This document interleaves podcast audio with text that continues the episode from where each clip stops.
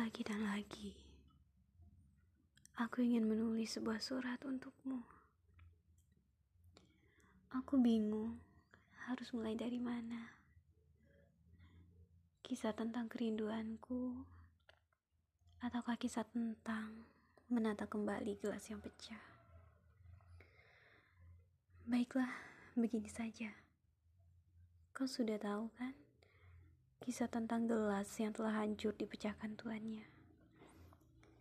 Menyedihkan bukan? Berkali-kali aku mencoba menata gelas itu kembali. Tapi nyatanya tetap gagal. Bahkan terkadang, pecahannya membuat luka baru yang lebih dalam. Sampai sini kau paham bukan? Bisakah kita sebut itu sebagai trauma. Benar kata orang, melupakan dan mengikhlaskan bukanlah suatu hal yang mudah. Bukannya aku tidak pernah mencoba, tapi ingatan-ingatan itu terus ada. Dan yang paling buruknya, dia selalu mengundang air mata. Tidak bisakah sekali saja kau gantikan itu dengan seuntai senyuman. Aku tidak punya pesan pada paragraf terakhir kali ini. Yang pasti, malam ini ada hati yang mendung, persis seperti langit mendung yang ada di atas kepalamu.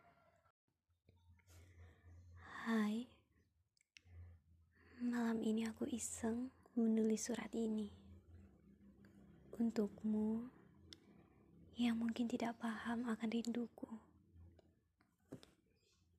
Izinkan aku mengutarakan bahwa suatu malam di tahun 2021 ada seorang gadis yang merindukanmu. Merindukan seseorang yang tidak dapat dicapai oleh bola matanya. Bahkan hanya untuk sekedar menangkap bayangmu saja, dia tak mampu.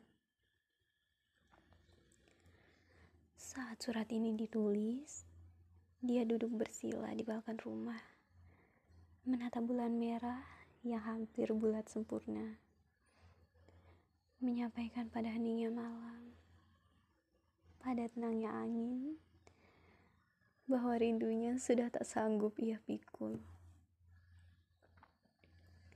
Suatu malam di akhir bulan Juni, ia ditampar oleh realita dari keinginannya yang ingin menatap matamu lebih lama, tapi dia tidak bisa.